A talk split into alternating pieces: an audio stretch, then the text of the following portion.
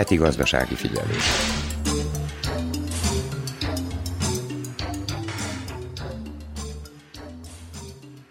A kormány elfogadta az idei költségvetésre tett módosítási javaslatot, amely szerint az állami bevételek 180 milliárd dinárral magasabbak a tervezetnél, mondta a pénzügyminiszter. Lesz pénz a megkezdett közműfejlesztések folytatására, a nyugdíjemelésre és a fiatalok megsegítésére is, mondta a tárcavezető. Hegedűs Erika köszönti a heti gazdasági figyelő hallgatóit. A bányászati és energiaügyi miniszter bejelentette, hogy át kell alakítani az energetikai ágazatot, amit eddig minden kormány csak halogatott. Az áram és a gáz áráról pedig jobb lenne minél előbb tárgyalni, mert Európában már ötször vagy még nagyobb árat fizetnek érte, jegyezte meg az új tárcavezető.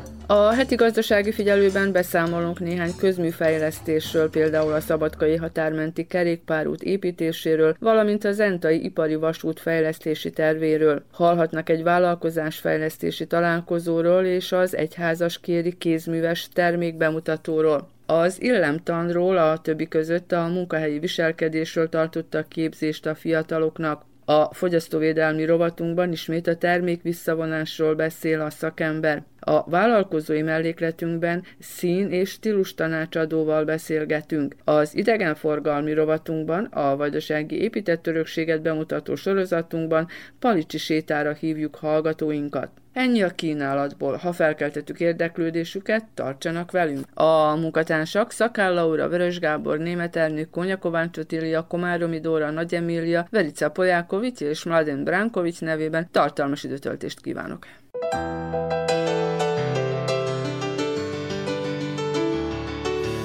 Nem bánom, hogy így történt, és nincs a zongorával semmi.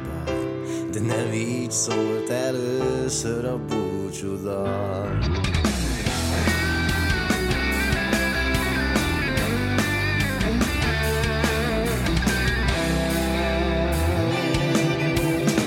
A műsor már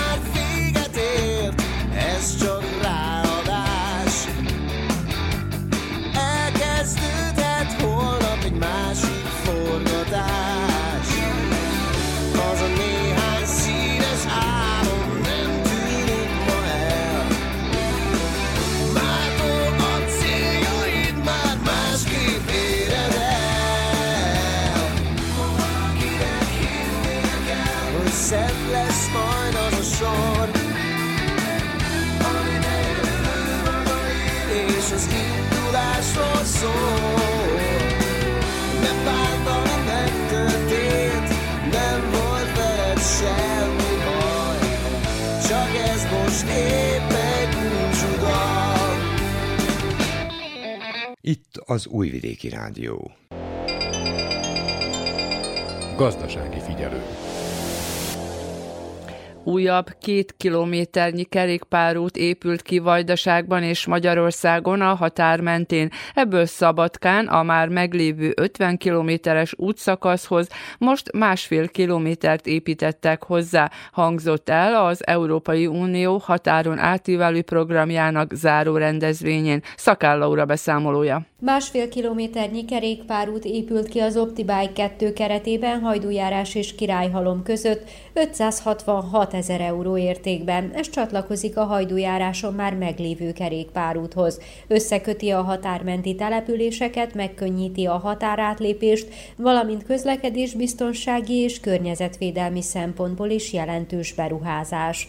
Emelte ki Újhelyi Ákos szabadkai projektmenedzser forgalom ezen a részen az igen jelentős, és nagyon veszélyes kerékpárral utazni. Az idősebbek és a gyermekek is így biztonságosabban tudnak eljutni az iskolába, a templomba és esetleg más helyre, ahová igyekeznek. A magyar oldalon tompán valamivel kevesebb, mint 500 méternyi kerékpárút épült. Vég László, Tompa polgármestere a mikrofonnál. A Tompár első rész 220 ezer euró környékén volt, ebből jött ki ez az 500, körülbelül 500 méter kerékpárút építése, amely az 53-as számú főút mellett párhuzamosan épült. A most lezárult projekt az OptiBike egy folytatása, amely részeként közel 8 kilométernyi kerékpárút épült Kelebián, Királyhalmon és Hajdújáráson. A megfelelő körülmények mellett a kerékpáros közlekedés a legbiztonságosabb, nyilatkozta dr. Pásztor Bálint. A beruházás idegenforgalmi szempontból is jelentős, ugyanis több magyarországi biciklis látogat majd a környező településekre, tette hozzá a városi képviselőtestület elnöke kerékpáros turizmusnak ez egy új löketet adhat, akik itt akkor megnézhetik Szabadkát, vagy elkerékpározhatnak a Palicsi tó partjára, vagy akár a Ludasi tóhoz, úgyhogy ilyen szempontból érzem nagyon jelentősnek ezt a projektumot. Ezen kívül pedig Szabadka mindig is a kerékpárosok városának számított, és szeretnénk a továbbiakban is kerékpárutakat építeni, vagy kerékpárutakat is. Például az ipari övezetben foglalkoztatottak teljes joggal várják el tőlünk, hogy Kisbajmok felé is képüljön a kerékpárút, úgyhogy remélem, hogy a jövőben erre is lesz lehetőség. Az Európai Uniós pénzekből megvalósuló projektek bizonyítják, hogy Szerbia marad az EU felé vezető úton, nem rekedtek meg a tárgyalások, emelte ki Kovács Elvira, a képviselőház Európai Integrációs Bizottságának elnöke nem vontak meg tőlünk semmilyen pénzeszközöket, mi sem bizonyítsa ezt annál jobban, mint hogy a Magyarország és Szerbia közötti határmenti együttműködés újabb pénzeszközök lettek jóváhagyva egészen 2027-ig.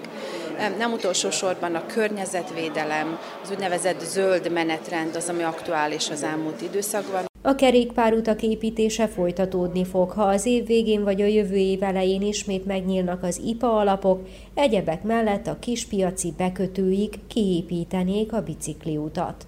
A folytatásban egy tervezett felújításról lesz szó. A Zentai városvezetés egy vasúti iparvágány felújítását tervezi, mely a Tisza kikötőig húzódik.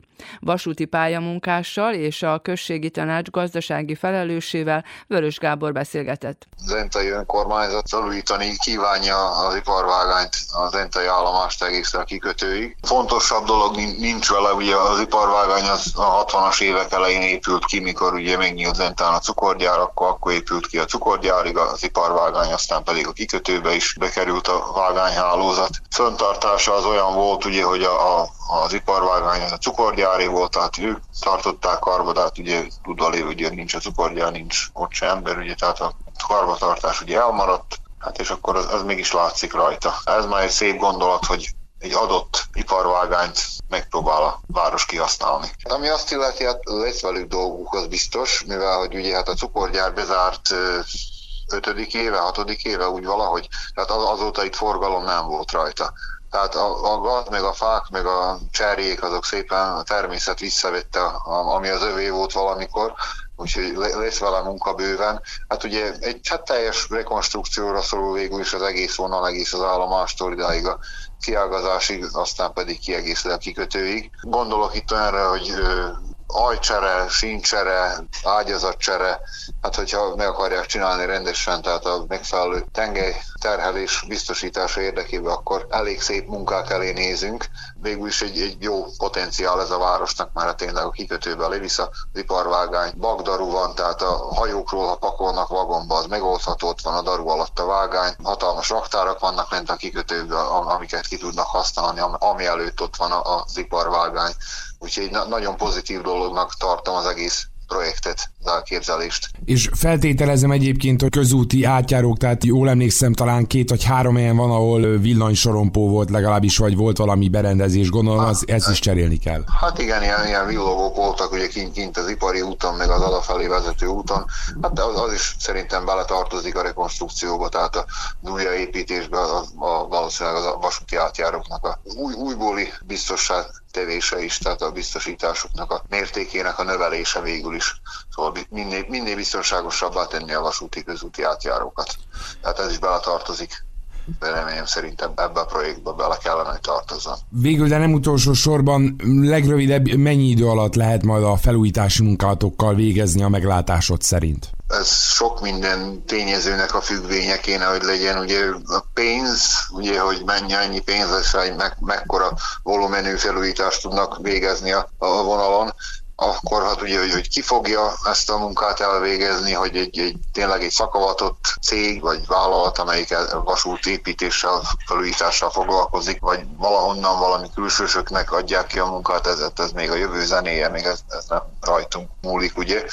Bízunk benne, hogy minél rövidebb idő alatt, minél rövidebb idő alatt és akkor Tripolski Dalibor után menjünk már is az ötlet gazdához, méghozzá Stantis Sebastiánhoz, a Zenta községi tanácsának gazdaságügyekkel foglalkozó tagjához. Rögtön azzal a kérdéssel is fordulnék, hogy elsősorban ez kinek az ötlete volt a vállalkozóké, vagy maga Zenta városának az ötlete? Alapvetően ez, ez az ötlet adja magát, hiszen ez a simpár már évtizedek óta létezik Zentán. Viszont ahogy abban gondolkodtunk, hogy mi az az iparág, ahol érdemes lenne további fejlesztéseket végbevinni, mégpedig oly módon, hogy új vállalkozókat tudunk esetleg a városba hívni, munkanélküliek struktúráját figyelembe véve, akkor mi alapvetően arra gondoltunk, hogy ez a logisztika tudna lenni a városvezetésben egyrésztről, másrésztről, meg az is ezt a az elképzelést támaszza alá, hogy a Tisza folyó szervei szakaszán egyedül Zentán van ilyen jellegű ipari kikötő, és ez ugyanúgy azoknak a településeknek a gazdaságát is tudná erősíteni a régióban, akik ugye nem a Tisza mellett vannak, gondolok itt adott esetben a szabadkai gazdaságra, vagy a nagy kikindai gazdaságra is. Úgyhogy alapvetően ez, ezt az elképzelést ez a kettő tény ihlette meg, illetve az a tény, hogy Zentán már létezik ez az ipari vágány, viszont olyan állapotban van, hogy használaton kívül helyezték. Most ehhez hozzátartozik az is, hogy, a, hogy ennek a vágánynak egy része évekig magántulajdonban volt, körülbelül a szakasznak a fele, és ez nem olyan régen visszakerült a község tulajdonába. Ugye nyilvánvaló nem csak a, mert régen ez korábban legalábbis az információink szerint, ahogy a kedves hallgatók is az előbb Tripolski Dalibortól hallották, ezt a zentai cukorgyárnak volt, legalábbis az általa kiépítetett e, ipari vágány is, hogy az ő kezelésükbe volt. De úgy tudom, hogy nem csak a cukorgyár, meg nem csak a kikötő van becsatlakoztatva, hanem más e, vállalatok telephelyére is talán van bekötés. Esetleg ők jelezték-e már ezek a cégek, hogy mondjuk ők szállítatnák áruikat vasúton? Több fölmérést végeztünk természetesen az ötlet kapcsán. Alapvetően azt kell tudni, hogy a vágány bemegy a kikötő területére, a, bemegy a volt cukorgyár területére, és a volt cukorgyár területén elérhető a további ipari szubjektumok számára is. Viszont az érdeklődés azoknál az ipari szubjektumoknál, akik még a déli ipari vezetben vannak, viszonylag jelen pillanatban gyér, illetve nem érdekeltek ebben, ugyanis itt melaszt lehetett volna a ciszternákba szállítani, de ezt a szállítást másképp oldják meg azóta. Azt hiszem, hogy egy ilyen kísérlet volt az ezt megelőző időszakban, amikor még funkcionális volt a sín erre a szállításra, itt elsősorban ennek az ügyletnek a fő kezdeményezetje a kikötő lenne mindenképpen, illetve a mezőgazdasági termelők, akik az terményeiket a kikötőn keresztül szállítatják el most is javarészt, de az intermodális szállításnak, illetve az intermodális logisztikának fő kedvezményezettjei rövid távon a mezőgazdasági termelők tudnának lenni, és maga a kikötő, aki ezt a tevékenységet végezni. Az intermodális kapcsán akkor joggal fölismerül, és mivel ön is említette, Sebastian, hogy végül is ugye egy logisztikai célzat, vagy elsősorban logisztikai feladatokat látnának el, nyilvánvalóan egy kikötőnek ez is a dolga, de mondjuk egy Csepeli, Budapest Csepeli kikötőz hasonló forgalmat lebonyolítani, vagy legalábbis hasonló jellegű áru átrakást végezni, mondjuk hajók, konténerek, ömlesztett áruk, darabáruk és így más, tehát amit mondjuk lehet a Tiszán is hajózni, abban esetleg gondolkoztak-e, vagy legalábbis olyan értelemben, hogy kibővíteni valóban egy kikötői szolgáltatást, és akkor ez aktívan igénybe venni a vasút segítségét mondjuk egy ilyen háztól házig szállítás keretében. A kont- konténeres szállítása most is megvan a lehetőség, illetve az ömlesztett áru a leginkább népszerű most, hogy így fogalmazzak, illetve a leggyakoribb. Viszont a becsénél található gátnak az áteresztő képessége olyan, hogy csak kisebb hajók tudnak, illetve kisebb uszályok tudnak rajta átmenni. Vannak rá tervek, elképzelések, talán, hogy ez a következő időszakban megváltozik, illetve már vannak kidolgozott projektumok ezzel kapcsolatban, és ha jól tudom, ennek a kivitelezése a jövő évben lesz aktuális. Viszont magára az, az áru típusoknak a kezelésére, amiket említett, arra van lehetőség. Most is, most, hogy ez igény lesz-e akkora, mint Budapesten, valószínűleg, hogy nem, de én úgy gondolom, hogy lényegesen nagyobb, mint amekkora most az igény. Ahogy a különböző minisztériumi képviselőkkel is folytattunk konzultációkat, azt az információt kaptuk, hogy itt évente két millió tonna áru mozgott a, a jugoszláv periódusban, hogy így fogalmazzak a Tisza folyamán, ami most ennek kevesebb, mint 40 a jelen pillanatban. Tehát hova fejlődni, nem olyan réghez képest is van mércénk, és én úgy gondolom, hogy már hogyha ezt a mércét el tudnánk kérni, illetve ehhez tudnánk lényegesen közelebb kerülni, akkor már a, a projektnek lenne létjogosultsága. Egyébként születette már esetleg arról döntés, hogy előirányzat, hogy mennyit tud erre Zenta költeni, tehát a város mennyit tud ebbe beleinvestálni maximálisan? Hát alapvetően itt még olyan elvi kérdések vannak terítéken, hogy ugye a, ezeknek a vasúti sineknek a fele, tehát körülbelül egy két kilométeres szakasz, jelen pillanatban is az úgynevezett Zseleznica Infrastruktúra AD közvállalatnak a tulajdona, és ő az üzemeltetője és a fenntartója. A másik két kilométeres szakasz az jelen pillanatban az Enta községhez tartozik, illetve, és ennek kapcsán mert folytatunk tárgyalásokat az adott közvállalattal, hogy a, a fennmaradt szakasznak a, az üzemeltetését, illetve felújítását is ők csinálnák, ők tudnák vállalni, vagy ez adott esetben az önkormányzat kellene, hogy legyen, vagy a, az a magáncég, aki a kikötőt üzemelteti. Egyelőre még ezek a tárgyalások folynak. Konkrét számadatokról nem lehet addig beszélni, ameddig a szakemberek ezt a szakaszt nem mérik fel teljes mértékben, és nem adnak nem adják meg a szakvéleményüket, hogy pontosan mi az, amit cserélni kell, mi az a sebesség, illetve a súly, amit ezeknek a sineknek el kell, hogy bírjanak, abban az esetben, hogyha ilyenfajta tevékenységet itt végeznének, és hogy ki lesz utána ennek a, hát ennek a közvagyonnak a tulajdonosa, a hordozója, kifizetteti meg a, a transz, transportdíjat, hogy így fogalmazzak. Nagyon fontos azt még elmondani ezzel az ügyel kapcsolatosan, hogy a, ugye a, a Vajdaság és a, a Szerbia Sinei közvállalat nemrég még közbeszerzést írt ki, mégpedig arra vonatkozóan, hogy a, azoknak a simpályáknak a lebontására, ahol az ő véleményük szerint nincs már közérdek, és ez a két kilométeres szakasz is,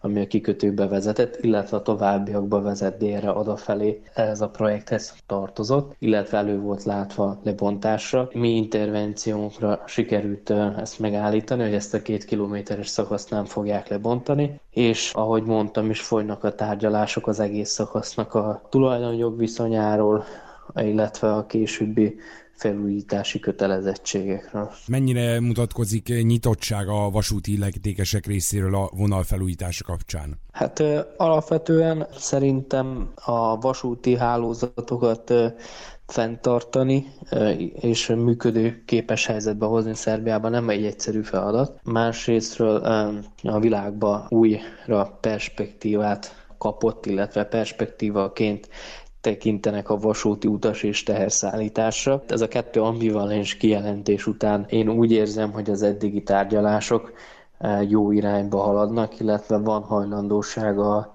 a, a közvállalat részéről a költségek egy hányadának a megtérítésére, ami már, amiről úgy nyilatkoztak, hogy, eh, hogy ők ezt tudnák vállalni, illetve a további kérdések a, az időrendi sorrendről folynak, illetve az időrendi sorrendről szólnak, illetve arról, hogy...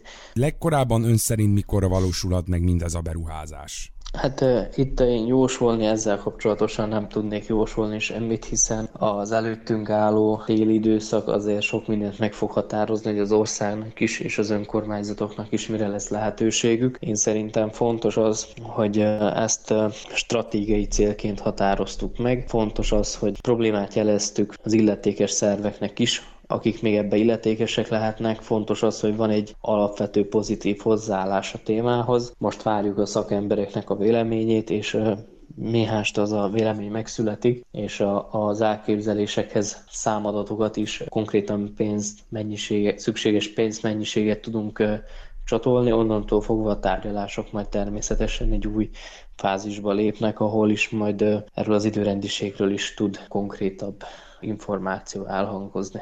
Itt az Újvidéki Rádió. Gazdasági figyelő.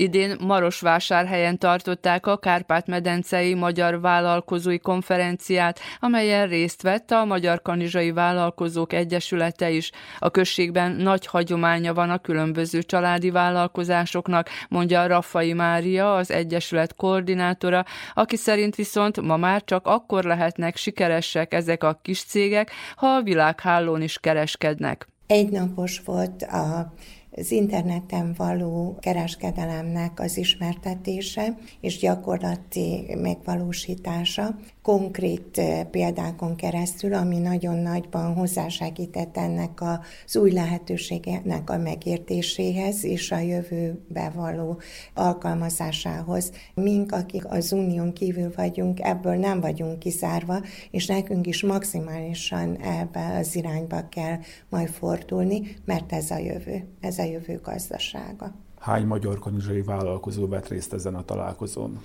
Csak a Vállalkozók Egyesületéből vettünk részt hároman, és egy alelnöke a Közép-Európai Gazdasági Társulásnak, aki szintén magyar kanizsai vállalkozó. A magyar kanizsai vállalkozások milyen szinten vannak? Tudnak-e esetleg már uniós partnereket találni és velük együttműködni? Ön hogyan látja? Igen, szerintem a közepes vállalkozásoknak ez nem gond. Mink az Egyesületben a mikro és vállalkozásokat tömörítjük. A lehetőség megvan, csak nem tudnak még élni vele, azért, mert nincs, aki céltudatosan irányítsa őket.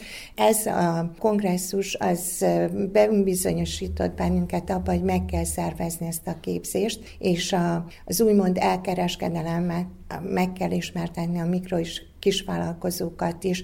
Hajlamosak rá, affinitásuk is van, csak az ismeretanyagot gyorsan kell sajátítani, hogy hatékonyan föl tudjanak lépni ezzel a piacon. Milyen vállalkozások vannak nálunk? Kanizsán nagyon összetett a vállalkozónknak a szakmaisága. Az embargó alatt a kereskedelem volt az adok-veszek, és a gyártás az elmaradt, a szolgáltatások viszont mindvégig megmaradtak, mert a szolgáltatások ugye azok konkrétan az embereknek az igényeit szolgálják ki, de viszont a gyártási, ahol innovatív beruházásokra van szükség, azok teljesen leépültek. Pedig nagyon nagy lehetőségek lennének, hiszen itt az élelmiszerföldolgozást föl kellene karolni. Nagyon szépen megy ez ugye a közepes vállalkozások, lásd a paprikásokat, vagy a mézföldolgozást, de maguk a mikrovállalkozások, akik különböző fémalkatrészeket gyártottak valamikor, azok a megváltozott társadalmi körülmények között lemaradtak, hisz az innovációs beruházások borzasztó nagy eszközt igényelnek.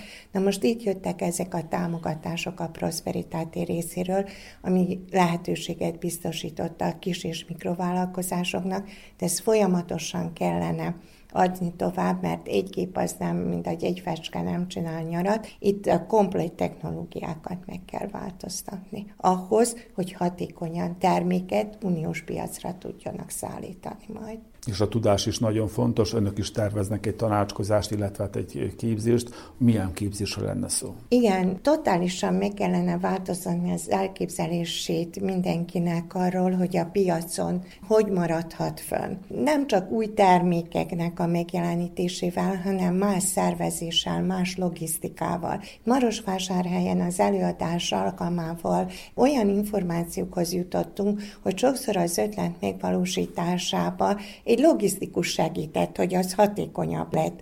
Tehát gyors eljutatni, vagy a, nálunk ez a fogalom, hogy a vevőknek a védelme, mert ugye az internetes kereskedelem az nagyon sok mindent ma jogilag is magával fog hozni, és ezzel is tisztába kellene lenni, hogy a vevők védelmét is és ugyanakkor a gyártóvédelmét is, ezt hogy lehet majd kialakítani, és hogy milyen irányba. Tehát a vevőszolgálat nagyon sokat fog jelenteni a piacon való nyereséges megvalósításban.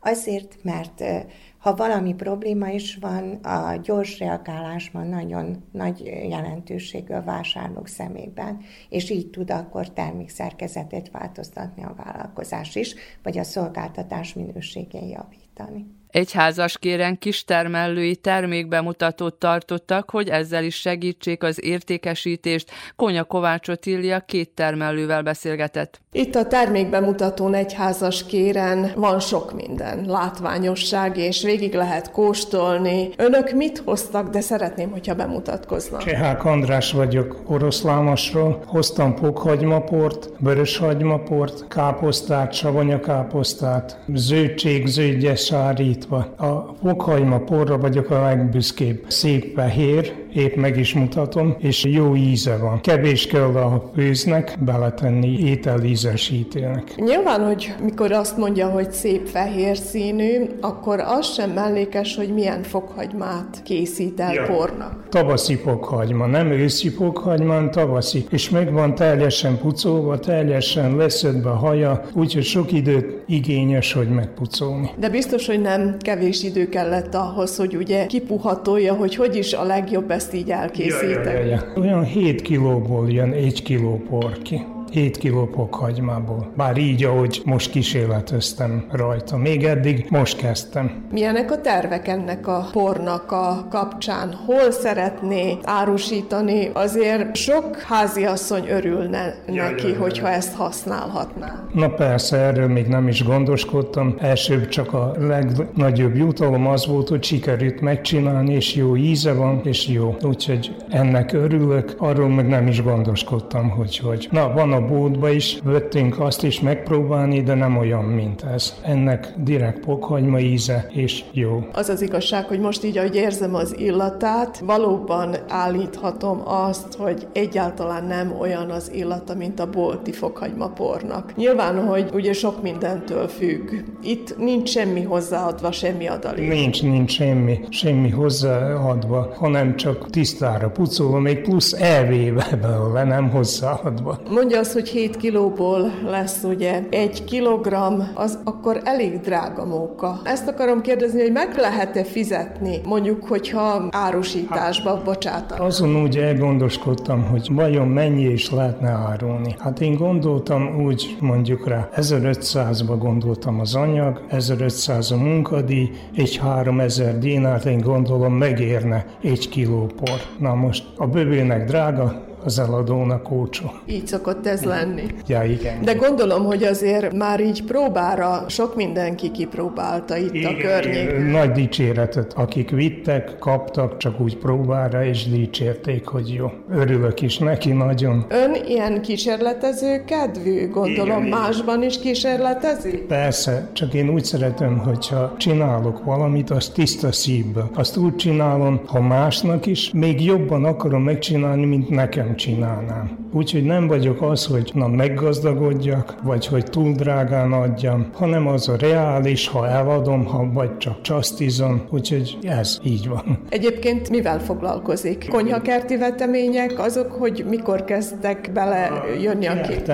Van nagy kertem, és a kertbe, hogy tavasszal krumpli, hagyma, aztán mikor az első lejön, akkor ősszel káposzta eladásra. 3000, most van 3000 fej káposzta, tehát 3000 palánta lett elültetve. Azok a káposzták most, amit ide is hoztam, két és fél kiló körül van egy káposzta ha nem szereti az ember, ja, akkor nem csinálná nyilván. Na, meg az időjárás sem ilyen volt, sokat kellett locsolni. Úgyhogy a víz az kellett neki, de az eső az, az meg aranyat ér. Ha most jó lett rá az eső, ami volt, úgyhogy így jó jártam megnyílt nagyra. Különben itt oroszlámoson, környékén itt jók a földek? Annyira nem jók. A Knezsevác kanizsarra már jobbak Na most, hogy hanyadosztályú, én gondolom olyan harmadosztály körül van a mi földjeink. De lényegében megterem sok minden, Persze. és akkor, mint ahogy így önök szeretettel ápolják a kis növényeiket, akkor az van, mindent ki lehet hozni. földből nem jön le annyi, mint a harmadosztályon, hogyha nem művelik. Nálam kertben gaz nincsen,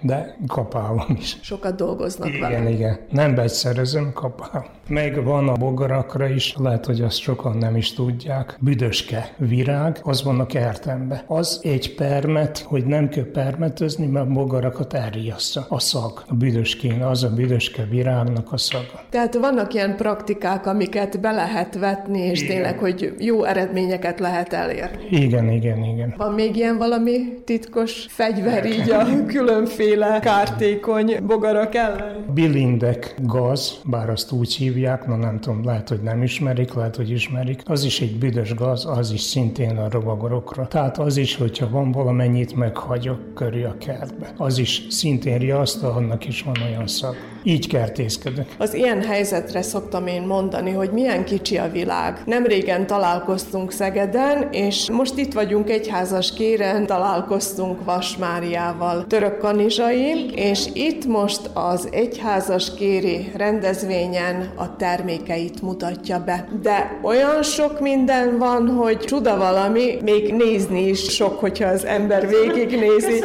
Mi mindent hoztak? 11 fajta lekvárt csináltam, ebben van lekvár és dzsem is, 8 fajta szörp, úgymond szirupok, és 7 fajta gyógyszteján. Ez most, hát ez az idén kezdtem egy felkérésre, és akkor kezdtük a bodzával, és ahogy értek a gyümölcsök, próbálgattam, én nekem ebben nincs tapasztalatom, az, ami háziasszonyi tapasztalat, hogy ugye telerakjuk a spájzet, és akkor én nekem csak annyi, és akkor ezeket próbálgattam, és hát úgy nézem, hogy tetszik is, próbálgattam ilyen-olyan ízesítéseket, hívtam ismerősöket, kóstolják meg, és akkor, mert ami nekem tetszik, az talán valakinek nem igazán annyira, de nagyon pozitívan értékelte eddig még mindenki. Vegyük csak számba akkor most, hogy milyen lekvárja is vannak? Hát ez most gyorsan nehéz is lesz elsorolni, tehát van földi eper, van fahéjas szilva, van bírsalma, van sütőtökös bírsalma, van narancsos, gyömbéres körte, bodza, őszi barack. Ezek valójában itt, ahogy mondja, vannak igen, itt igen. ilyen keverékek, ilyen mix féleség, de hát ez nagyon vonzónak igen, tűnik. Igen, igen. A szörpöknél pedig mondhatom, hogy hát az volt az ötlet, hogy csináljunk bodza szörpöt. És akkor nőtt a menta, adobtam bele a mentát. Hú, hát nagyon finom. Hát van citromfű is. A másik tura lett citromfű ment.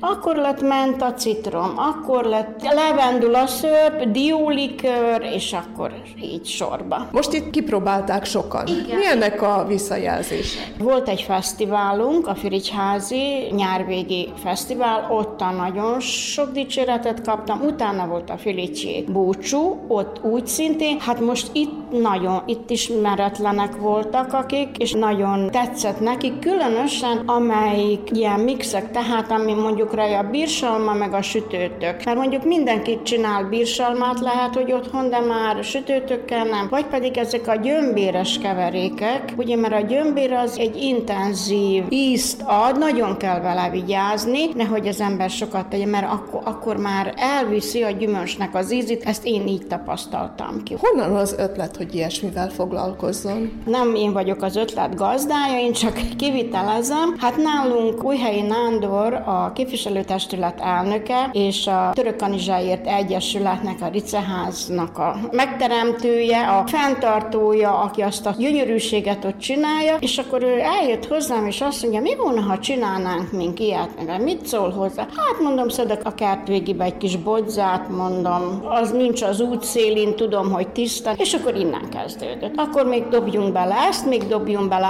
azt, és akkor mindig telefonálok, gyertek, minőségi ellenőrzés van, új termék. Ők is nagyon örülnek, úgy látom, tetszik nekik, úgyhogy. Sikerül-e értékesíteni valamit? Vannak, igen, igen. Hát nem ez a célunk tulajdonképpen, de itt is értékesítettem, nem is gondoltam, de a fesztiválon is volt eladás, a búcsún is. Tehát tulajdonképpen én most még ezen a három helyen állítottam ki, de úgy úgy gondolom, hogy tetszik az embereknek. Van egy ilyen hajtóerő, hogy mindig valami újdonságot, így mondom, macska körömbe piacra kidobjon? Hát én nyugdíjas vagyok, olyan nagyon nem akarok sokat dolgozni, úgymond, de én 25 évig lakodalmakba főztem. A másik meg 2000-ben, amikor munkanélkül maradtunk, a férjemmel mind a ketten, máról hónapra nem tudtuk, hogy hónap mi lesz velünk, és akkor én nekem jött egy olyan ötlet, hogy nyugdíjasoknak elkezdtem főzni, és azt tíz évig csináltam. Jöttek érte, utána már mind olyanok jelentkeztek, akik ágyhoz voltak kötve, vagy a szobához volt, és akkor én biciklivel, ha a férjem otthon volt, ő kocsival elvitt, elvittük, és ezt tíz éven keresztül csináltam. Majd tíz év után, amikor a Sóti János atyát oda helyezték Törökkanizsára, akkor elvállaltam ott a plébániának a házvezetőnői munkát, és ott voltam mindaddig még Sóti atya itt volt, sajnos ő neki el kellett Törökkanizsáról menni, és akkor én sem megyek most már oda többet, egyéb okok miatt, és hát otthon úgy tenktem, lángtam, egy kicsit magam alatt is voltam, és én szerintem Nándor ezt látta én rajtam, hogy na itt az öreg lánya kezdeni kell valamit, mert nem lesz jó vége, és akkor de nagyon hálás vagyok neki, és nagyon szépen csináljuk. Hát remélem majd. Ameddig az erő engedi, meg annyit csinálok majd, amennyit bírok. 66 éves vagyok, nem titok, ez mind az enyém, de majd meglátom, hogy a Jóisten meddig ad erőt, remélem még kapok. És még kihagytuk a gyógyteákat. Hát a gyógyteákat az úgy szintén magam gyűjtöm be. Van citronfűvünk, van mentánk, zsáját, és akkor így a kamillát úgy szedtük, a csalánt, a bodzát, és akkor ezeket mind a cickafarkat. Most ott például nálunk, ha nem vágtuk le a füvet, mert szépen nőtt, akkor azt mind levágtam, megszárítottam, és akkor így. Ezeket a dobozokat pedig, a tojásdobozokat szintén saját magam készítettem, ilyen újrahasznosított anyagból. És ezek a tároló dobozok, úgymond a tejáknak. Hihetetlenül jól hangzik ez, és gondolom, hogy nagyon sokan példát kellene, hogy vegyenek fiatalok közül is. Hát igen, igen. Sokan is mondják, hogy hű, de sok munka van el. Hát ezt nem lehet, hogy csak odadobom, és akkor nyomom a telefont közbe, hanem erre oda. Meg valahol egy kicsit szeretni is kell. Mert szeretet nélkül nem megy a dolog. És ez nagyon sok mindenre vonatkoztatható. Igen, igen. És akkor egy kicsikét úgy fődobódtam, úgy erőt adott ez az egész, mert úgy éreztem, hogy fölösleg vagyok, mikor otthon maradtam. Hú, most én nem kellek, vagy nincs szükség a munkámra sehol se, vagy egy kicsit ez úgy dobott rajtam egyet, de aztán jött. Tehát a Jóistennek mindig van az emberre külön gondja, hogy segítse az útján. Remélem még meg is marad sokáig. Itt az Újvidéki Rádió. Gazdasági figyelő. A legtöbb illemszabály ugyan alig változott az évek során, az viszont kérdéses, hogy mennyire ismerjük és tartjuk be őket. Hangzott el az etiketről tartott újvidéki előadáson. Komáromi Dórát hallják. Ki kinek nyújt először kezet, hogyan illik megjelenni a különböző eseményeken, és milyen illemszabályok vonatkoznak a közösségi médiára. Ilyen és ezekhez hasonló kérdéseket vitattak meg az előadás folyamán. Kibédi Varga Katalina az etikett iskola megálmodója elmondta, hogy az etikett ismerete előnyt jelenthet az egyetemen vagy az állásinterjúkon. Mennyit változott az etikette az elmúlt években, az elmúlt időszakban, más, mint teszem azt 30 évvel ezelőtt? 30 év az rövid idő, tehát hogy nagyon változott, azt inkább ilyen száz évbe datáljuk. Tehát, hogy egész más szabályok voltak a századfordulók, mint most, de az etiket alapjaiban nem változott. Tehát ami akkor is fontos volt, és amit én tanítok, és próbálok hangsúlyozni minden egyes előadáson és tréningen, az az, hogy, hogy az etiket lényege 2022-ben ugyanaz, mint mindig is volt, hogy próbáljunk tekintettel lenni egymásra és ennek a mai napnak én, én ezt arra szentelem, hogy erről beszélgessünk, hogy mennyire fontos az a mai világban, pont azért, mert hogy egyre kevesebb a kapaszkodója a fiataloknak, meg úgy általában kezd kikopni a forma a mindennapokból, és hogy, hogy egyszerűen ez, a, ez az etiket eszenciája, hogy figyelni kell egymásra, türelmesnek kell lenni. És amellett, hogy etikettet tanít, ugye különböző tanfolyamokat is szervez, illetve blogon is olvashatjuk az írásait. Mik azok a témák, amikkel legtöbbször megkeresik önt? Hát ez nagyon változatos. Nemrég például ex-etiketről beszélgettünk egy rádióműsorban. Tehát az etiketnek pont ez a lényege, hogy amit kérdezett, hogy persze nagyon sok formalitás kikopott már, de az etikett egy, egy folyamatosan változó szabály, halmaz, tehát ugye alkalmazkodik a, a világhoz. Most ugye az elmúlt 30 évet mondta, itt mondhatnánk azt, hogy ami új, például a nettetikett. Tehát erre ugyanúgy kell figyelni, mint minden más etikett szabályra, hogy hogyan viselkedünk a, szociális média különböző csatornáin. Amit nagyon fontosnak tartok, és ezt itt a, remélem, hogy itt a, az egyetemistáknak majd sikerül átadni, hogy annyira, annyira nagy a verseny ma a egyetemi felvételiken, az állásinterjú kapcsán, hogy pont ezek azok a készségek, amik segítenek abban, hogy egy kicsit többet tudjak nyújtani, mint mondjuk egy, egy másik társuk, aki jelentkezik egy állásra. És hogyha már a net etikettet említette, mik azok, amikre az online jelenlét folyamán oda kell figyelnünk? Hát itt is csak azt tudom mondani, amit hangsúlyoztam az elején, hogy, hogy legyünk tekintettel egymásra, tehát attól, hogy úgymond arctalanok vagyunk a, ezeken a csatornákon, azt nem szabad elfelejteni, hogy a másik oldalon egy valós ember van, valós érzelmekkel.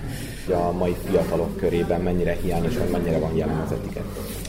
Én mindig mondom a fiataloknak, amikor, amikor azzal bántják őket, hogy mennyivel udvariatlanabbak ma, mint akár száz évvel ezelőtt voltak. Ez nem igaz. Tehát száz év, minden generáció ugye ahhoz tud csak igazodni, amiben ő, az ő értékeihez, ahogy ő felnőtt. Tehát száz évvel ezelőtt is, ha megkérdeztek volna egy egy idősebb embert, hogy mi a véleménye a fiatalokról, bizonyára ugyanazt mondta volna, mint egy mai ö, idős ö, ember, hogy udvariatlanok, ö, nem tartják be a szabályokat, tehát ez ilyen formában nem gondolom, hogy, hogy igaz. Ami nehezebb, a, amit mondtam a, a mai fiataloknak, hogy ez az a generáció, akinek a szülei is nem kapták már meg ezt a fajta tudást, amit átadhatnak. Ez, ez, ezt hosszan lehetne ecsetelni, hogy felbomlott a klasszikus családmodell, ugye sokkal kevesebb ideje jut csonka családban nőnek föl a gyerekek, sokkal kevesebb ideje jut a szülőnek arra, hogy ezekre a dolgokra odafigyeljen. Az iskolákban is sajnos már kevesebb a kapacitás az ilyenfajta nevelésre. De szükségük van rá. Tehát nagyon sokan, akik hozzám eljönnek tanfolyamokra, tréningekre, azoknak a 99%-a önszántából jön. Tehát nem a szülők nyomására, mert érzik azt, hogy, hogy vannak hiányaik, és ez főleg a, a szóbeli kommunikációra igaz. Tehát ők nagyon jól tudnak írásban, van egy külön nyelvezetük, ugye, a szociális média különböző csatornáin, és ez, ez, ez fantasztikus. Tehát ők olyan könnyedén el tudnak igazodni, amire én már soha nem leszek képes, meg annyi mindenre tudnak figyelni egyszerre. Viszont amikor már beszélniük kell, az már nehezükre esik. Olvastam azt is, hogy a fiatalabb generációnak is tart különböző tanfolyamokat, de ön szerint kinek a feladata lenne az, hogy megtanítsa ez újabb generációkkal az etikett alapszabályait? Hát egyértelműen a családé. Tehát ugye a gyerekek mindent lemásolnak egész kicsikortól kezdve, a jót is és a rosszat. Tehát én hiába részt vesz egy, egy öt alkalmas tanfolyamon a gyermek, és hiába érzem azt, hogy, hogy nagyon sok mindenbe fejlődött, de hogyha hazamegy és ugyanaz a légkör veszi körül, akkor azzal nem tudok mit kezdeni. Tehát, hogyha otthon azt látja, hogy nem rosszul vagy nem kommunikálnak a szülők egymással, nincsenek közös étkezések, de hát azért nyilván az ember próbálkozik és bízik benne, hogy ugye azért az alapokat át tudja adni. És van -e esetleg olyan szabály, ami már kikopó félben van, ön viszont hiányolja így a társadalmunkból? Hát egyértelműen a, a, nem szabály, de hát a tisztelet tehát hogy, hogy türelmetlenek. Én, én azt gondolom, hogy a legtöbb modortalanság és udvariatlanság, amit nap mint nap tapasztalunk, ha közlekedünk bárhol, az a, az a türelmetlenségből fakad. Tehát egyszerűen türelmetlenek az emberek, és a türelmet igenis, itt most megint visszakanyarodunk arra, hogy a szülőknek mi a felelősségük. A türelmet meg lehet tanítani a gyerekeknek egész kicsikortól. Péter Teodóra Temerinből érkezett, és elmondta, hogy igyekszik hasznosítani a képzésen megszerzett tudást. Hiányos az az etikett. Hát ugye én, mivel Szegeden élek, én így elég nagy társasággal veszek így részt, meg így a klinikán, ahogy dolgozom. Hát az én társasági körömben azért nagyjából be tudják tartani az etikettet, csak nincs mindenki a fogalommal tisztában, hogy mit is jelent az, hogy etiket, meg hogyan kell viselkedni mondjuk egy étterembe, hogyha elmegyünk, vagy egy szórakozó helyen. Mi mindent tanultál meg az előző alkalommal itt? Igazából az előző ez egy ilyen pszichológiai továbbképzés volt így a Covid ideje, ideje alatt, és hát ilyen megküzdési stratégiákat vettünk át, ami amúgy tök érdekes volt, és hogy hogyan tudunk így, így könnyebben megküzdeni avval, hogy be voltunk zárva, aztán ki lettünk engedve, aztán megint visszajött a, a veszélyhelyzet, és nagyon érdekes volt, mert tök sok mindent meg lehetett tanulni, hogy ne forduljunk magunkban, ne legyünk depressziósak, ne legyenek szorongásaink, és tényleg nagyon megért eljönni. Maitól pedig mit vársz? Hát ugyanezt várom, hogy tök sok hasznos információt fogunk megtanulni, aztán majd kiderül, hogy a végén mi lesz. És mit jelent számodra az etikett? Hát igazából így nem tudnám nagyon definiálni, de hogy igazából a, a viselkedést, azt, hogy hogyan viselkedünk bizonyos helyeken, hogyan illik viselkedni bizonyos helyeken, aztán majd kiderül, hogy igazából van ebben kapcsolatban.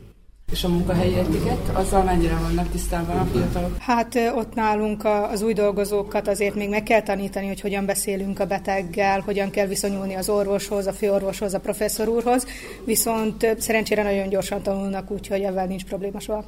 Az eseményt a Vajdasági Magyar Ifjúsági Központ szervezte.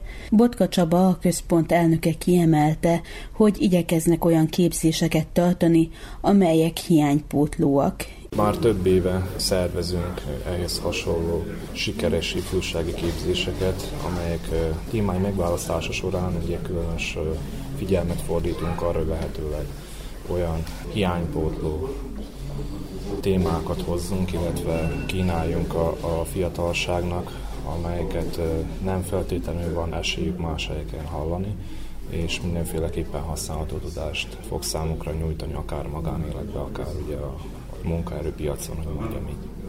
És hogy látja, hogy mennyire érdekli a fiatalokat mondjuk ez a mai téma? Vagy, vagy mennyire hiányos a mai világban? Hát legjobb tudomásunk szerint nálunk a vajdaságban nem elérhető ilyen tematikájú képzés, úgyhogy nagy öröm és megtiszteltetés számunkra, hogy Kividi Varga Katalin el tudta fogadni meghívásunkat, és több száz kilométert megtett, hogy ma itt a tapasztalatait megossza velünk. Nagyon-nagyon, tehát ahhoz képest, hogy egy napos képzésről van szó, nagyon sok témakört fogunk érinteni, és még azok is, akik nagyon sok szabályt, tehát nagyon sok szabályt ismernek, biztos vagyok benne, hogy sok újat is fognak hallani a mai napon. Nagy örömünkre szolgál, hogy nagy volt az érdeklődés, ennek örültünk is, hiszen már nagyon régóta szerettünk volna egy ilyen képzést itt szervezni. Milyen időközönként szoktatok képzéseket szervezni, és mik a jövőbeli tervek, hogyha el tudsz árulni néhány titkot erről? Hát folyamatosan a kapcsolatot tartunk azokkal is, akik, akik itt vannak a, a képzésen, vannak olyanok, akik nagy örömünkre, de mondhatjuk, hogy visszajáró vendégek, természetesen mindig vannak újak is, és mindig, amikor egy adott képzést a végén értékelünk, akkor a visszajelzések alapján elsősorban inspirálódunk, hogy milyen irányba lenne érdemes továbbvinni ezt, a, ezt az egészet. Biztos vagyok még benne, hogy nagyon sok hasznos témával fogunk szolgálni, tehát korábbiakban volt, voltak különféle pszichológiai képzések, csapatépítés, pályázatírás, elszámolás, asszertív kommunikáció, és határozottan ilyen irányba tervezünk a továbbiakban is képzéseket szervezni, tehát ez évente legalább két alkalommal kerül sor az ilyen, az ilyen típusú rendezvényekre. Maga a témaválasztás illetően pedig ugye azt, azt még egyelőre még mi sem határoztuk meg, hát mint ahogy mondtam, és a visszajelzések alapján ugye hamarosan ki fog derülni, milyen irányba is fogjuk továbbvinni, de minden esetre örömmel tapasztaljuk azt, hogy jók a visszajelzések, igény van az ilyesmire, a mi feladatunk pedig az, hogy megtaláljuk azokat az előadókat, akik kellő szaktudással rendelkeznek, és megfelelően át is tudják ezt adni a hallgatóságot. Itt az Újvidéki Rádió.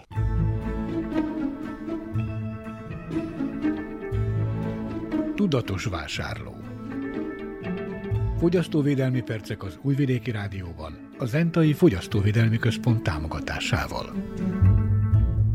A fogyasztóvédelmi mellékletben ismét a bolti, illetve a gyártói termék visszavonásról beszél Szálva Vujicica, az Entai Fogyasztóvédelmi Központ munkatársa. Végül is a kereskedőnek kötelesse visszaváltani ezt a terméket, illetve a dinár ellenértéket, hogy megadja. Ez gyakori eset nálunk, hogy a, a bevizsgálják, nem felel meg a szabványnak a, a termékminősége, és mi nem tudunk róla, hogy esetleg azt a terméket visszavonják. Most egy külföldi termékről volt szó legutóbb, kekszfajtákról, amit visszavontak, ami mondjuk a médiába is eljutott. Igen, vannak termékek, amik eljutnak a médiába, vannak termékek, amelyek nem. Ez egy ilyen bizalmi kérdés, főleg az élelmiszernél, és nagyon ne- nehéz ennek a visszavonása. Mondjuk olyan terméket, hogy veszünk autót, és akkor most valami nem jó rajta, ilyen műszaki dolog, gyártón jelzi, de itt a mi esetünkben nagyon-nagyon ritkán történik ez, és ezt a vásárló magában terméken lehet, hogy észre se veszi, hogy van ilyen, hogy műszaki hibás, illetve vannak olyan az élelmiszernél, hogy vannak-e ezek a faktorok, amelyek veszélyesek. Természetesen ez mind kisebb mennyiségben nem probléma, de az emberek nagyobb mennyiségben vásárolnak, akkor nagy probléma. A legnagyobb probléma, és amik voltak itt Szerbiában, és az üzletközpontokon keresztül megy, vásárlóközpontokon keresztül, nem szeretném megint megnevezni ezeket, de természetesen itt tömegesen visszavonják ezeket a termékeket, és akkor ők elvégzik dolgokat, csak ott a probléma, hogy tudatosan vagy tudat nélkül ők ezeket a termékeket behozták. És mindaddig, míg a hatóság nem hat, addig ők árulják ezt. Lehet, hogy tudnak róla. Persze, az a törvényesség kell, hogy álljon, hogy a vásárlónak mindent információt meg kell adni, természetesen, hogy ilyen információkkal nem szolgálnak. De hát akkor hogyan tudjuk mi ezt meg? fogyasztók? Egyedül a hatóságon keresztül tudjuk meg, vagy magunk kitapasztaljuk azt, hogy most ebben a termékben van ilyen-ilyen anyag, jelentkezik egyfajta allergia, vagy, vagy mérgezés, és akkor abban az esetben, ha ez tömeges sé válik, mondjuk rá akkor abban a pillanatban reagálnak, de, de nagyon nehéz ennek a, a nyomába lépni. Most ez a kérdés, hogy a hatóság mennyire, mennyire akarja, mennyire akarja, milyen ezt. Azért, mert az üzletláncok, amik léteznek Szerbiában nem tömegesek, külföldi, főleg külföldi üzletláncokról beszélünk, inkább ott vannak az ilyen termékek, vagy legyen az hamis termék, és azokat nem nagyon akarják megsérteni, de elvileg az ember egészségére kellene gondolkozni. Néhány eset volt az idei évben, meg pár esetet kaptunk, ami a tavalyi évekből van. Az a lényeg az, hogy akkor amelyben megtörténik ez, akkor gyorsan kell reagálni, és akkor a terméket visszavinni. Hát megint ott a gond, hogy a számlával mi van, de hát valami formában bizonyítani kell, hogy ez ott lett vásárolva. Nem törvény szabályozza, hogyha egy terméket visszahívnak, akkor vissza kell váltani? Vissza kell adniuk a pénzt? Hát igen, de ha nincsen számlája, akkor nem biztos, hogy tudja, hogy Várolt. hol vásárolt, akkor azért erről jó lenne tudni, hogy vagy hát valami nyoma legyen. Fogyasztóvédelmi percek az Újvidéki Rádióban, a Zentai Fogyasztóvédelmi Központ támogatásával.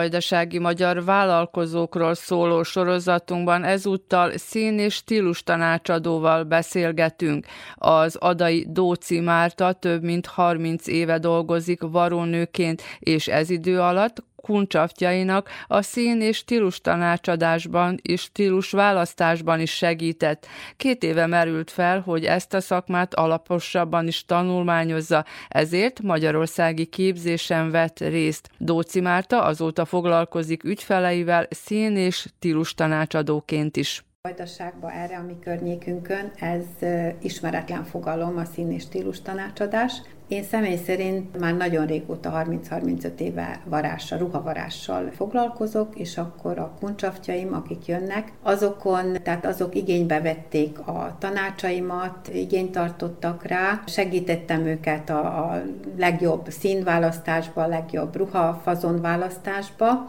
és innen jött az ötlet, hogy akkor ássam bele egy kicsit mélyebbre magam, és tanuljam ki a szín és stílus tanácsadás rejtelmeit. És ez mikor jött ez az ötlet, hogy akkor na most vágjunk bele? Hát ez kettő évvel ezelőtt kristályosodott, és tulajdonképpen bő egy évvel ezelőtt realizálódott.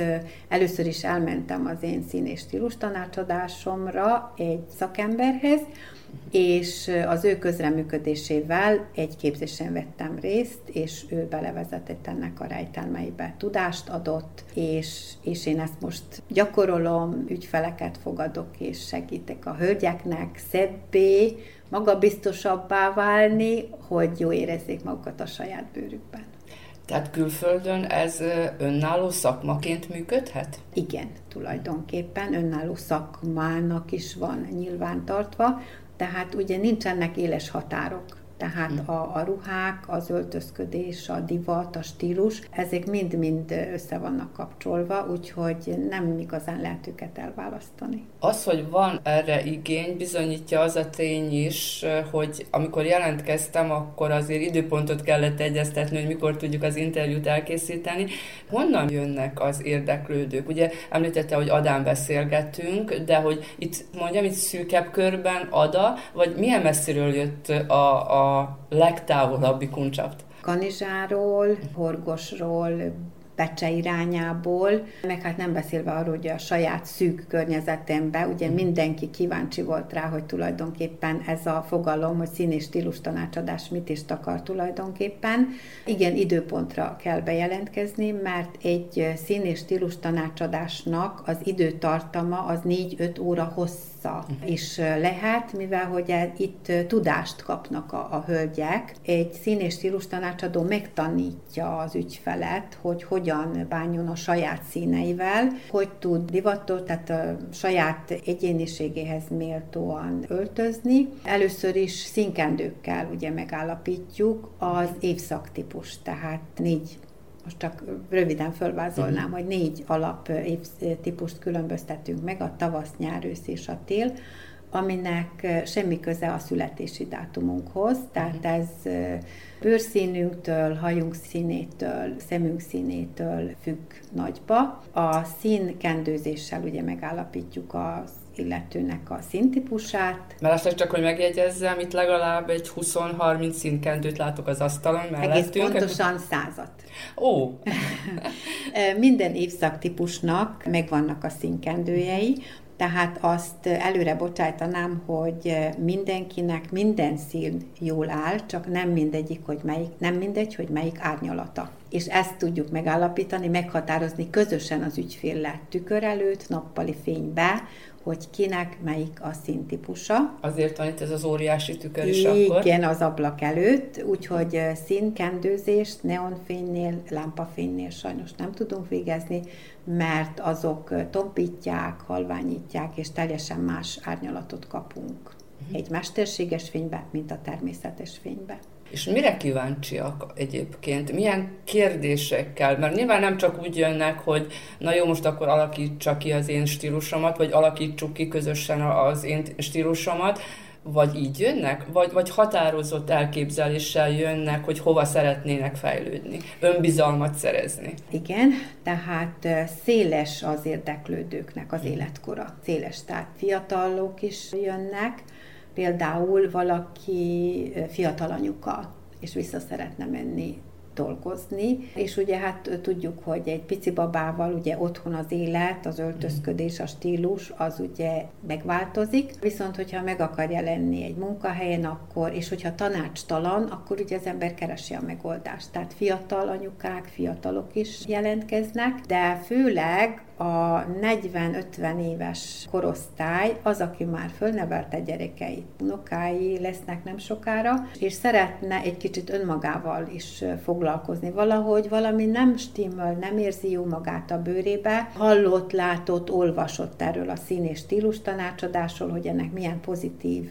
hatásai lehetnek, és, és ők is jelentkeznek. Most azért megkockáztatok egy kérdést, hogy ha valaki 41 néhány, 51 néhány évesen jön, hogy addig nem találta a helyét a divatvilágában, nem önmagához képest stílusosan öltözött, tehát egyéniségéhez képest, vagy csak újítani szeretne. Valaki csak meg, tehát megbizonyosodni arról, uh-huh. hogy jól csinálta. Van, aki teljesen stílust szeretne váltani, van, aki bizonytalan, hogy most melyik irányba is induljon, mert ugyanis a, a tehát attól, hogy, hogy milyen a stílusunk, mibe öltözködünk, az ugye nagyba függ az üzletek kínálatától, a barátnőktől, a pénztárcánktól, hogy... hogy De nem muszáj, hogy ettől függjön már, mint a pénztárcánktól. Nem, nem, nem, egyáltalán nem. És akkor mindenki szeretné ugye kialakítani a saját egyéni stílusát, és ezért fordulnak hozzám. Ez most gyakorlatilag még csak ilyen két éves vállalkozás, annak ellenére, hogy ugye több mint három évtizedes varás előzi meg. Kitölti ez most így az időt? Le, marad idő varni a vállalkozásban? E, jaj, jaj, ez, ez nagyon jó kérdés, mert most az időmet meg kell osztanom tulajdonképpen a varás és a szín és stílus tanácsadás között. Tehát egy stílus tanácsadás alkalmával átnézzük az illető ruhatárát is, és onnan szetteket állítunk össze. Tehát a meglévőből. A meglévőből is állítunk össze szetteket, sőt, hogyha egy kis korrekcióra, alakításra szorulnak, akkor azt én ugye meg tudom csinálni, és meg is csinálom. Mármint, hogy átszabni a ruhát? Átszabni, kis szűkítés, uh-huh. gallérlevétel, stb. stb és, és nagyon-nagyon be kell osztani, tehát a kettő együtt megy, és, és az ügyfelek nagyon, tehát úgy érzem, hogy meg vannak elégedve vele, hogy, hogy a kettőt még, még plusz kapcsolunk hozzá varást is, nem csak egy szín és stílus tanácsadás. Mennyi ideig tart egy ilyen képzés, amikor, tehát a szín és stílus tanácsadói képzés, ahhoz, hogy valaki akár egy ilyen előzménnyel, hogy már ez érdekelte korábban is, akár a varás, akár egy más szakma kapcsán, hogy tudással vagy tudás nélkül úgy érezze, hogy tud másoknak segíteni. Tehát ugye fél éves képzésről volt Igen, itt szó. hat hónapos, ez egy sűrített képzés uh-huh. volt tulajdonképpen. De ez egyéni választásod sűrített, vagy ez egyébként egy, is? Ez egyéni választás volt, mivel hogy ugye ez másik, tehát 70 kilométerre adától zajlott ez a képzés, és ez ilyen gazdaságosság szempontjából uh-huh. ugye össze lett sűrítve, meg mivel, hogy ugye nekem már a, a 30 éves varó, varás tapasztalat uh-huh. megvolt, tehát az a része könnyebb volt. Tehát a színeket, a színkendőzést, a színelméletet, az, amit nagyon bele kellett húzni, amit meg kell tanulni, tehát mindent meg lehet tanulni. Aki érdeklődik ez iránt, lehet nálunk is képzést találni, vagy emiatt még sajnos külföldre kell menni? Emiatt még sajnos én úgy gondolom, hogy külföldre kell menni. És ön szervezhetne akár egy ilyen képzést? Még nem. Még nem. Még nem. Még, még, még nagyon sokat kell gyakorolnom, tehát ugye a gyakorlat teszi a mestert mondás alapján, tehát én még nem tudnék vállalni ilyen képzést de nem is zárkózom el tőle, hogy majd évek múlva tudok esetleg fiatalabb szín és stílus tanácsadókat kiképezni. Hallottam, hogy Óbecsén volt már egy ilyen úgynevezett nyilvánosabb szín és stílus tanácsadás, ez gyakorlattá válhat, hogy esetleg szélesebb körbe valakinek fölkeltse, valakiknek fölkeltse az érdeklődését? Gondolom igen, mivel hogy ugye a színeknek nem csak külső, hanem belső lélektani hatása uh-huh. is van, sőt, nagyon is használják a színeket gyógyításra, a hangulatunkat is nagyba befolyásolják a színek, úgyhogy szerintem lesz tehát van is, van is és lesz is érdeklődés ez iránt. És ahhoz, hogyha van, akinek van hozzá kicsit érzéke, és tovább szeretné fejleszteni, magában rosszul ez a fejleszteni, de hogy, hogy fejlődjön ebben a, a stílusosság felé vezető úton, hányszor kell eljönni tanácsadásra? E... Nyilván, hogy az egyéni. Igen, tehát egy egyéni szín és stílus tanácsadás az külön is lehet választani. Uh-huh. Tehát, hogy egy nap megcsinálunk egy színkendőzést, egy uh-huh. másik alkalom megbeszélt időpont alapján egy stílus tanácsadást. És innen a hölgyek tudással mennek uh-huh. el. Megtanulják, hogy hogy kezel, hogy bánjonak a saját színeikkel, hogy tudják alkalmazni a, a hétköznapokba. Tehát nem engedjük el a szín és stílus tanácsadók, nem engedik el az ügyfelek kezét. Tehát alkalom van, mód van rá telefonon beszélni, még uh-huh. személyes időpontokat találkozásra megbeszélni, és segítjük az ügyfeleket, ha elbizonytalanodnak a saját színeikbe, saját fazonaikba, tehát egy ideig, mert egy idő után megtanulja, megtanulja az ember, hogy azt hogy használja. Egy szín és stílus tanácsadás után minden ügyfél kap egy színkártyát a saját színeivel, amivel könnyebb lesz a vásárlás, időhatékonyabb lesz a vásárlás, mert már úgy megy be az ember az üzletbe, hogy a megfelelő színű darabot tudja kiválasztani, és utána nézi a fazont. Megnéz, ha nem a saját alkatához illő, azt egyszerűen föl se próbálja, tehát már itt az időspórolás. És pénztárca kímélés és is. pénztárca nyilván. kímélés is, igen. Na most egy szín és stílus tanácsadás az nem arról szól, hogy majd eljön az ügyfél, és akkor én jól megmondom neki, hogy ez a te színtípusod, hanem együtt, közösen, tükör előtt megállapítjuk a saját színtípusát. Közös vásárlásra is van lehetőség, uh-huh. ahol elmegyünk, tehát ezt most ne úgy értsük, hogy, hogy mindent megveszünk, hanem elmegyünk olyan helyekre, ahol színbe, méretbe, fazonba van választék, és akkor kiválogatjuk a megfelelő darabokat, és akkor próbálunk. Én megmutatom, a, hogy mi az előnyös, mi a kevésbé előnyös, emeljük ki a, az előnyös részleteket ugye magunkon, és, és ebből is, tehát ez is tanítás, tehát tanul ebből is az ügyfél, hogy hogy csinálja a, a jövőbe a mai világban azt hiszem, hogy ez jó tanács, hogy azért eh, tudjuk, hogy mit vásárolunk, és hogy hatékonyan és költséghatékonyan. Mennyire vagyunk mi vajdasági eh, nők csinosak? Mennyire tudunk öltözni stílusosan egyéniségünkhöz, mert ugye minden ember más, minden nő más, alkatilag, természetben, színvilágban, de hogy mennyire, mert ugye szokták mondani, hogy a francia nők, meg az olasz nők, na most a magyar nők, vajdasági nők, mennyit kell változtatni rajtunk esetleg?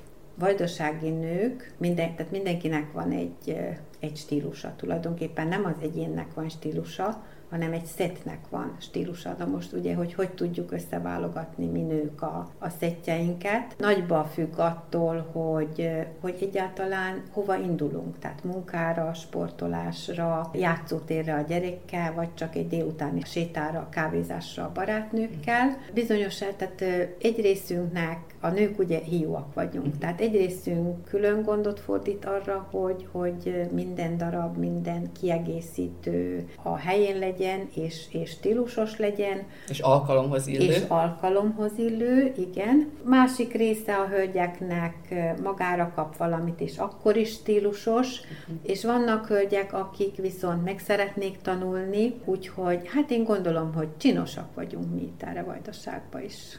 És mennyire befolyásol bennünket a környezetünk, mert hogy nyilván a munkahelyünk az némileg befolyásol bennünket, még úgy is, hogy nincs meghatározva, hogy milyen öltözékbe kell munkára menni, és nem beszélve az egyenruhákról, mert azért itt-ott még, még az is van, de hogy mennyire befolyásol bennünket a környezetünk, hogy falun élünk, városon élünk, mert hogy a család az nyilván, hogy valamilyen szinten, vagy a párunk valamilyen szinten nyilván befolyásol befolyásol bennünket. Befolyásolhatók vagyunk, hogyha már tanácsadásra jönnek, vagy meggyőzhetők vagyunk? Igen, befolyásolhatók, meggyőzhetők vagyunk, tehát az öltözködésünk az ugye függhet tehát már említette az előtt, hogy a munkahelytől, az alkalomtól, az üzletek kínálatától, a barátnőnktől, pénztárcánktól, ugye. És igen, hogyha például meglátunk egy jó darabot egy barátnőn,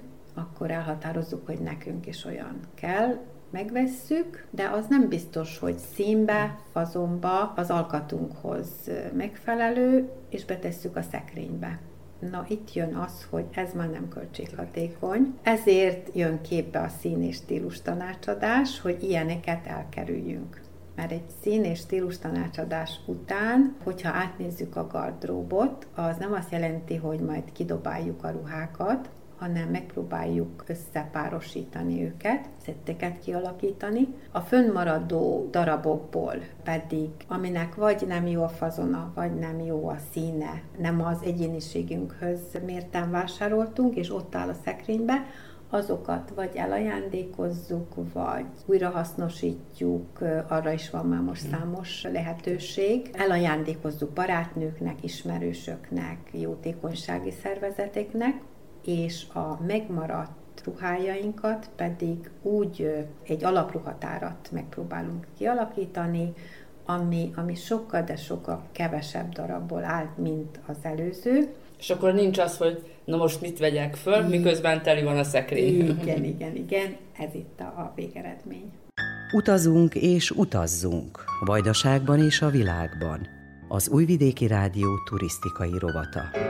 Az idegenforgalmi mellékletben a vajdasági épített örökségről szóló sorozatunkban Palicsi sétára hívjuk hallgatóinkat. A Palicsi tó környékét az 1800-as évek derekán parcellázták ki, és akkor épültek az első családi házak is, melyeket a környék módosabb családjai építettek. Tudják-e például, hogy melyik palicsi épületet hívják Titóvillának, vagy hogy hol szervezték meg a nyári olimpia tenészversenyeit? Mindezekről Kanyó Ervin idegenvezetőt kérdeztük. Palicsot egyébként tényleg így a hallgatók is valószínűleg, hogy tehát ismerik, nem kell bemutatni, és Palics a Vajdaságnak, sőt, hát ugye Szerbiának egy idegenforgalmi központja is, és ugye a mai napig igazából tehát olyan tartalmakat, olyan, olyan szórakozást kínál, ami miatt érdemes eljönni, tehát teszem itt a, a például említhetném az állatkertet, vagy hát maga a tó is egy ilyen nagyon szép látványt, nagyon kellemes közérzetet biztosíthat, de nyilván ugye itt van az épített örökség is, és Palicsnak azért van egy olyan szerencséje, tehát ilyen történelmi szempontból is, hogy, hogy ez az építészeti örökség, ami egy ilyen jellegzetes, tehát immáron tehát több mint száz éves épületekről beszélhetünk, tehát ezek így javarész megmaradtak. Ezeknek egy része korábban is középület volt, de nagyon sok magánépület is volt itt. Hát ugye a régen, ahogy, ahogy ez az egész történet, tulajdonképpen azt lehet mondani, hogy ez a, ez a szép történet megindult a palicsi idegenforgalommal kapcsolatban, ez, ez egy városi irányítás alatt működtetett vállalkozás volt, és nyilván a város vezetése próbálta ide csalni a módosabb, gazdagabb szabadkajakat, illetve környékbeli polgárokat, akik itt magánnyaralókat építettek, és hát igazából ezeknek a magánnyaralóknak a többsége a mai napig látható. Na most valamennyit tényleg nagyon szépen fölépítettek, illetve felújítottak, akarom mondani, de sajnos egy pár ilyen nagyon szép nyaralót le is bontottak az idők folyamán. Nyilván most már nem lehet lebontani ezeket az épületeket, mert az épületek nagy része védelem alatt áll, és tehát csak is az eredeti formájára szabad visszaállítani őket. Mielőtt még bemutatnánk most első körben néhányat, ugye most mi itt a park, mondhatjuk, hogy kellős közepén állunk, több hektárnyi parkról van szó, viszont a madár csicsergés mellett azért zajokat is hallunk, tehát hogy aki járt mostanában Palicson azért látja, hogy némelyik épületet már felújították, és hogy azért számos épület van, amelynél most van folyamatban a fölépítése vagy tatarozása, ezért vannak ezek az zajok, hogy kopácsolás, zúgás. Milyen mértékű ez a fölújítás? Tehát most így kívülállóként hogyan látja, hogy hol tartanak ezzel a felújítással? Szerintem a felújítások azok folyamatosan zajlanak, és így tehát tényleg lehet látni, hogy a fürdő, tehát a Palics, Palicsi kirándulóhely környéke hát ha nem is napról napra, de, de hétről hétre vagy hónapról hónapra változik, tehát szépül, illetve, illetve tehát nagyon kellemes maga az a közeg, a, tehát az a park, tehát egy gondozott park, illetve egy gondozott tóparti sétány fogadhat minket, hogyha ide ellátogatunk, és és ez nyilvánvaló, tehát hogy ez egy, majd hogy nem egy mindennapi munkát igényel, úgyhogy tehát, hogy, hogy ez nem, nem egy elhagyatott hely, szín, amit, amit, amiről beszélhetünk itt Palics szempontjából. Nagyon sok épületet, jellegzetes épületet azért már nagyon sokan ismernek. Mi most itt, mint említettem, parkban állunk, egy hát nagyon szép épület előtt állunk, zárva a kapuja,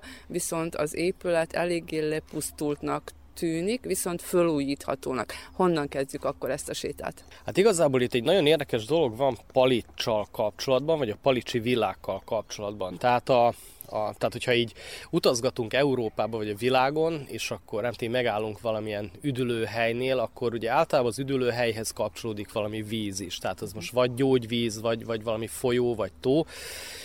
Na most itt Palicson egy nyilván a tó a, a lényeg, viszont ugye ez a tó, ez most nem annyira alkalmas fürdésre, bár lehet benne fürdeni, mindenki saját felelősségére, viszont ugye a Palicsi tónak az volt a karakterisztikája régen, hogy nem volt egy ilyen meghatározható partja, és ezért a villatulajdonosok nem igazán mertek a tó felé, vagy a tó mellé épülni, építeni épületeket, hanem inkább más helyszíneket választottak, illetve hát a város vezetés is azt gondolta, hogy sokkal alkalmasabb helyszín lenne a parkot övező helyeket, tehát ugye kiparcellázni. És akkor így születtek meg azok a telkek, amely 1860-tól, ahol fölépültek a, a szebbnél szebb, tehát ilyen romantikus jellegű hangulatú nyaralók.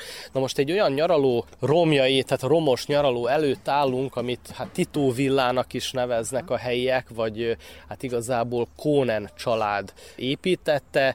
1903-ban épült ez a villa, és az a tehát igazából egy ilyen építészeti különlegessége van, hogy, a, hogy ez nem romantikus stílusú, hanem szecessziós stílusú nyaraló, és ugye ezt a villát, ezt Reichel Ferenc tervei alapján építette a család, és egyébként Reichel Ferenc egy nagyon hasonló, tehát ilyen villát épített Apatin közelébe a Fennbach családnak, de az már nincs meg, viszont ugye ez a villa, ez így teljes egészében, tehát így még romos állapotban is megcsodálható, és egy ilyen nagyon szép, nagyon szép szép, tehát ilyen hangulatos Tornyos. látványt áraszt, tehát hogy, hogy igazából itt állunk a bejárata előtt, és hát így látszik, hogy ez a bejárata is egy ilyen, valamikor egy ilyen nagyon igényes kovácsolt vas kapu volt, és ugye mint, mint a, a palicsi villák, tehát hogy itt is, tehát nem az utcafrontra épült a, a nyaraló, hanem sokkal bejebb. Ez egyébként egy szabály volt, egy előírás volt, amit a város,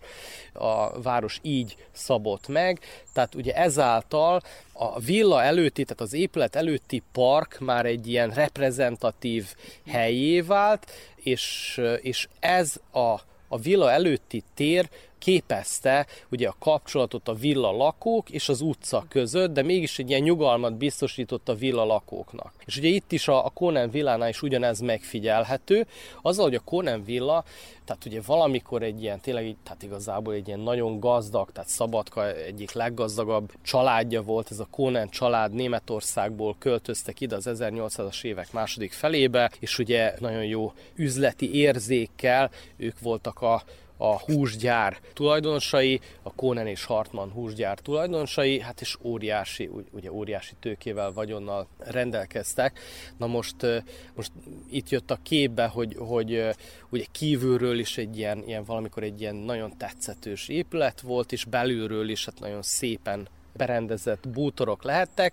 De most a második világháború után államosították ezt az épületet, és, és ugye elnevezték Tito villának, mert állítólag ugye ez az épület magának a, a Tito marsalnak volt föntartva, hát állítólag egyszer járt itt életében a 60-as években, de azért emellett ugye kihasználták, tehát ilyen párthű művészek, festők, zenészek, költők, irodalmárok, tehát látogatták, illetve vendégeskedtek itt ebben a házban, és ugye a második világháborúban, tehát ilyen belülről egy ilyen szociál stílusú, típusú bútorokra cserélték le a, a belső szecessziós igényes, tehát ilyen történelmi berendezési tárgyakat, lakberendezési tárgyakat.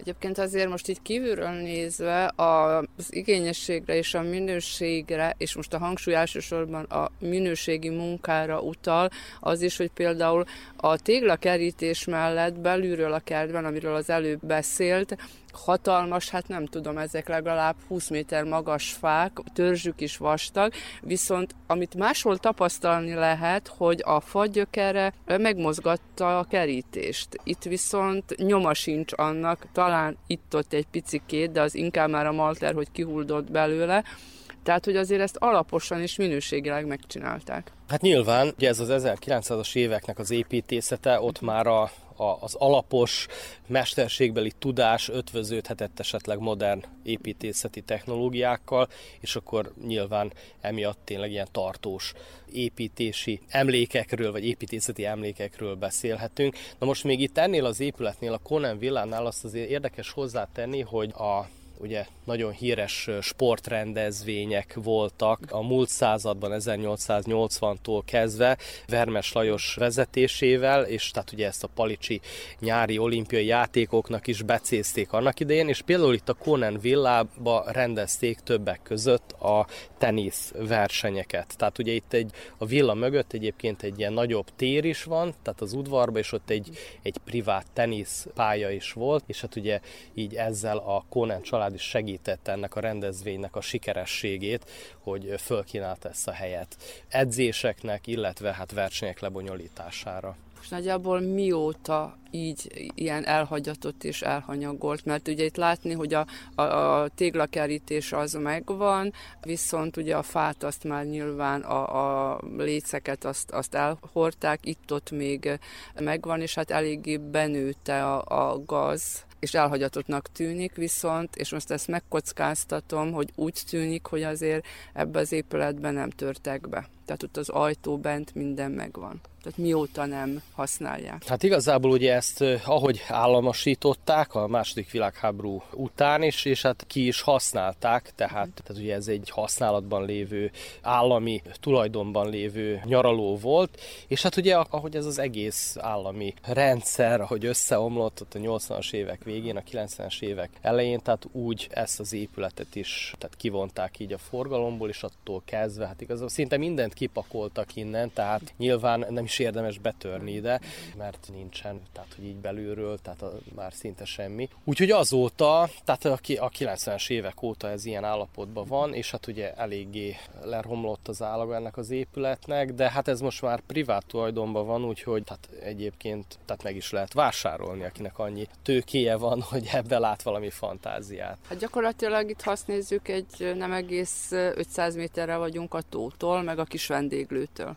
Így van, tehát ez egy ideális helyszín. Tehát ugye itt a villának, a nyaralónak a homlokzata, a főbejárata az magára a Palicsi parkra néz, és ez a park ez egy 19 hektáros, nagyon szép arborétum jellegű, madárfüttyös, kellemes, levegőt árasztó tér, és, és hát maga a tó is pár száz méterre van. És hát most mi ugye, amit előbb említettem, de megúsztuk a nagy zajt, az építkezés, amit egy közelépületben van, tehát hogy gyakorlatilag akkor itt minden természetes zajt lehet hallani, ha zajnak nevezhető hangokat. Hát igen, itt csak igazából ugye messze vagyunk a, a, főúttól. a főúttól, tehát ugye az E5-ös úttól, illetve a Szegedi úttól, tehát igazából ez, ez egy nagyon-nagyon szép helye Palicsnak két, tehát, tehát például ez egy olyan épület, amelynek az udvara két útra is kivíz, tehát ugye az egyik a Spliti fasor, tehát abból az irányból is meg lehet közelíteni, és a park melletti sétányról is meg lehet közelíteni.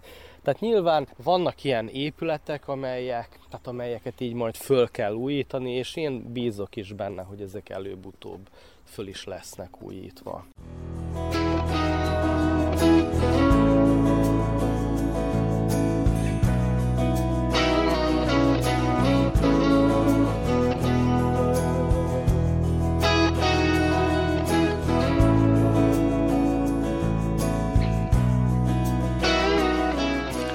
Az Újvidéki Rádió heti gazdasági figyelőjét hallgatták, amelynek első órájában beszámoltunk néhány közműfejlesztésről, a Szabadkai határmenti kerékpárút építéséről, valamint a Zentai ipari vasút fejlesztési tervéről. Hallhattak egy vállalkozásfejlesztési találkozóról és az egyházas kéri kézműves termékbemutatóról. És szóltunk az illemtandról, a többi között a munkahelyi viselkedésről tartottak képzést fiatalok fogyasztóknak. A fogyasztóvédelmi mellékletben a termék visszavonásról beszélt a szakember. A vállalkozói rovatunkban szín és stílus tanácsadóval beszélgettünk. Az idegenforgalmi mellékletünkben, a vajdasági épített örökséget bemutató sorozatunkban Palicsi sétára hívtuk hallgatóinkat.